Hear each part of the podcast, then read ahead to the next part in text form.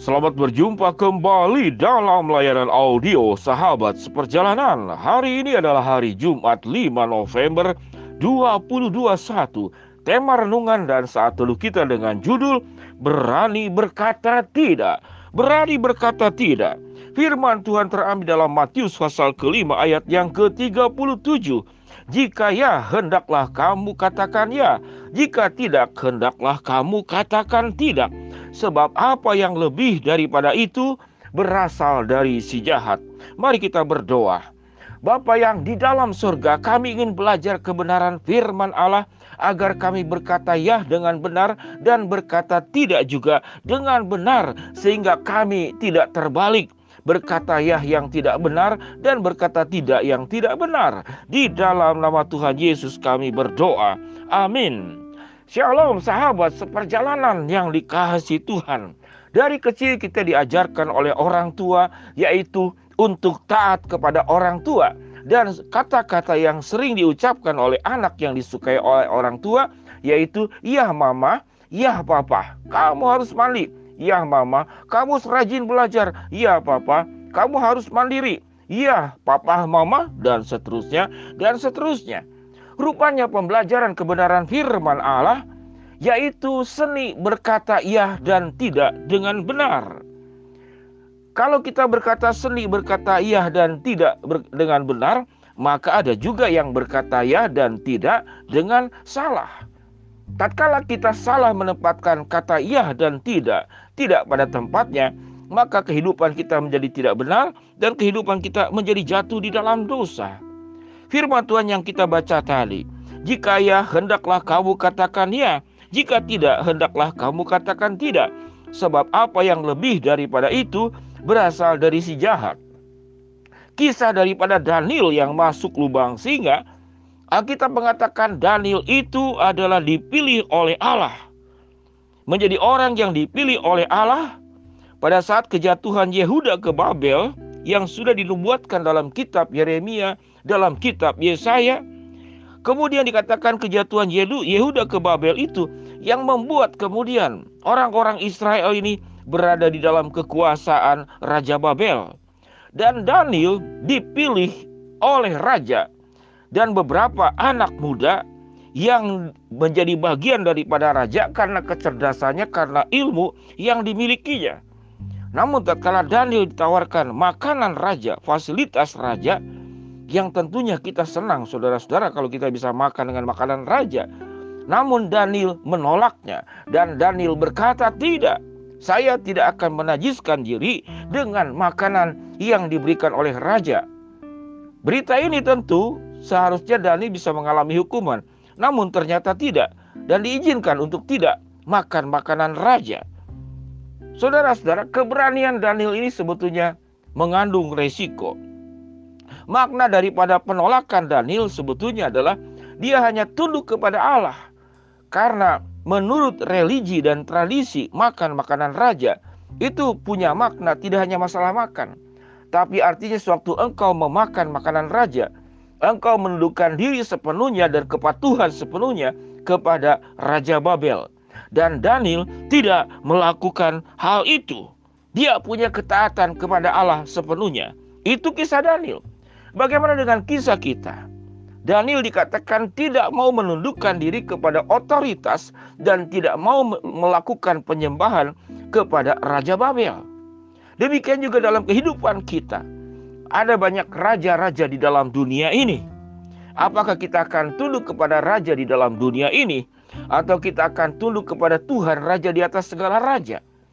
Sahabat seperjalanan, kekayaan bisa menjadi raja di, di dalam dunia ini. Banyak orang tunduk demi kekayaan dan kemudian meninggalkan Tuhan. Dan itu engkau tunduk kepada raja di dalam dunia ini. Banyak orang kemudian tunduk kepada kekuasaan, mengejar kekuasaan, ambisi yang sangat luar biasa, dan meninggalkan Tuhan, dan tidak hidup di dalam kebenaran maka engkau sedang makan makanan raja.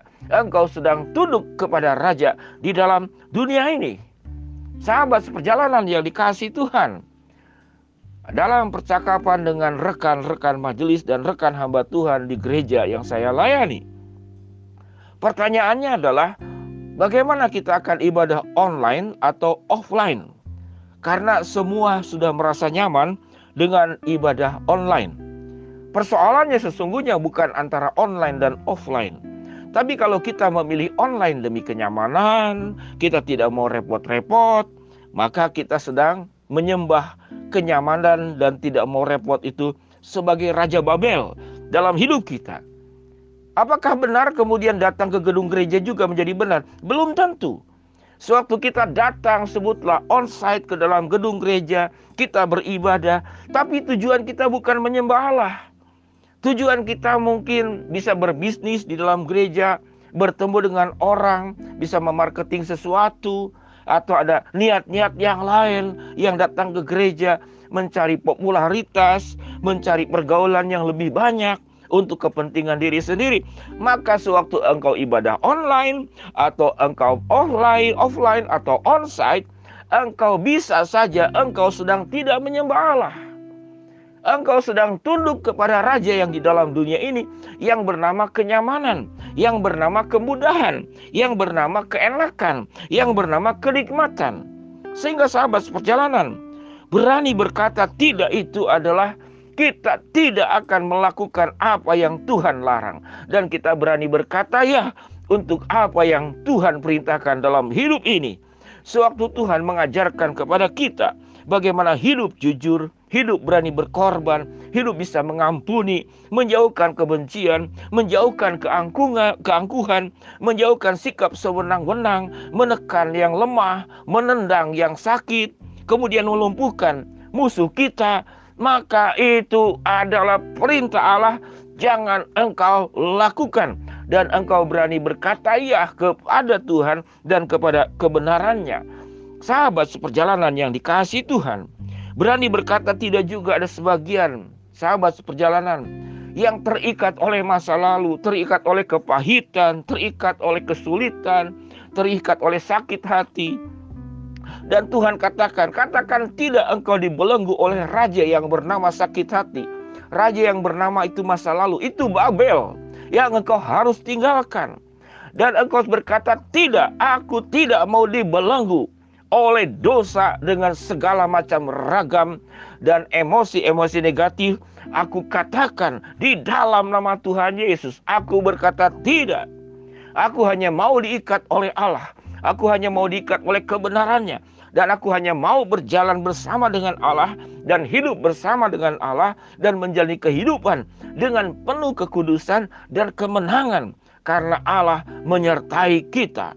Aku akan ber, berkata tidak kepada semua dosa dalam segala bentuk termasuk sikap-sikap keras kepala, egois, memaksakan kehendak, merasa benar sendiri. Maka itu yang harus engkau katakan tidak Aku tidak akan mengadopsi segala hal yang buruk, yang bersifat dosa, yang merugikan diri sendiri dan juga merugikan orang lain. Aku akan berani berkata tidak kepada semua bentuk dosa dan aku hanya akan berkata ya kepada kebenaran firman Allah, petunjuk Allah, titah Allah, nasihat Allah, jalan Allah, kebenaran Allah yang aku akan jalani bersama dengan Tuhan. Sahabat seperjalanan, berani berkata tidak untuk semua yang buruk dan berani berkata ya dan menjalaninya bersama dengan Allah hidup di dalam kebenaran. Mari kita berdoa.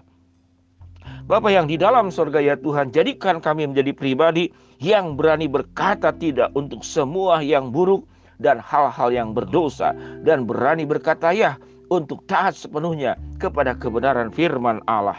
Hambamu berdoa buat yang sakit Tuhan jamah sembuhkan yang sedang menghadapi masalah Tuhan bukakan jalan, yang sedang memohon berharap sesuatu Tuhan kabulkan sesuai dengan waktu, cara dan kehendakmu. Di dalam nama Tuhan Yesus kami berdoa. Amin.